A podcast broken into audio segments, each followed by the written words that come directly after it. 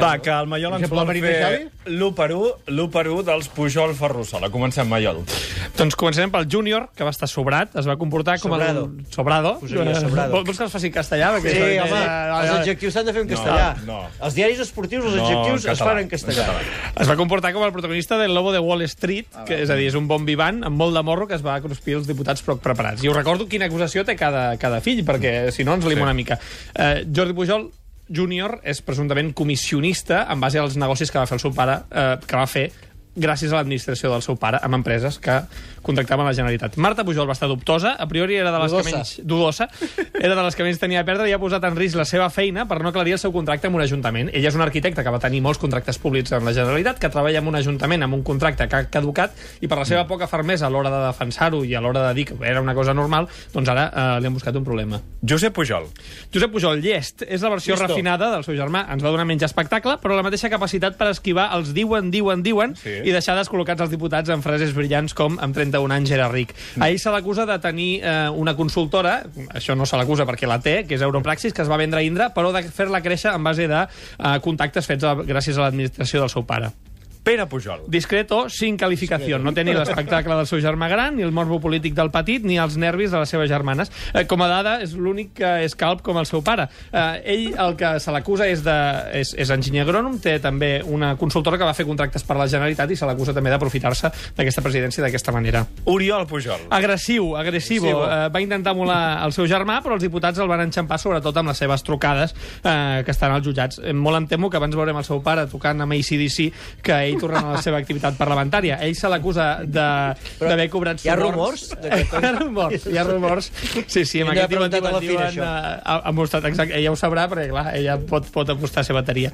Eh, se se l'acusa amb ell de- d'haver acceptat suborns per col·locar un amic seu amb quatre deslocalitzacions i també per haver facilitat que una empresa d'uns del, de, del mateix amic eh, fes les ITV de Catalunya. Mireia Pujol. Se la coneixia com la díscola i continua sent la díscola. Eh, ahir va demostrar per què. Eh, perquè és l'únic membre de la família que és capaç d'estar callat durant gairebé una hora aguantant Sí, les sí, preguntes sí, dels és veritat. diputats. Només, només se li va escapar una o dues frases, eh, perquè els diputats la van anar a buscar, però, però vaja, no, no va passar d'aquí. Ella és de la que menys coses se l'acusen, només ja li han trobat que va tenir un pis de protecció oficial que al cap d'un any es va, es va vendre pel doble del preu i ella va optar per no, per no respondre res.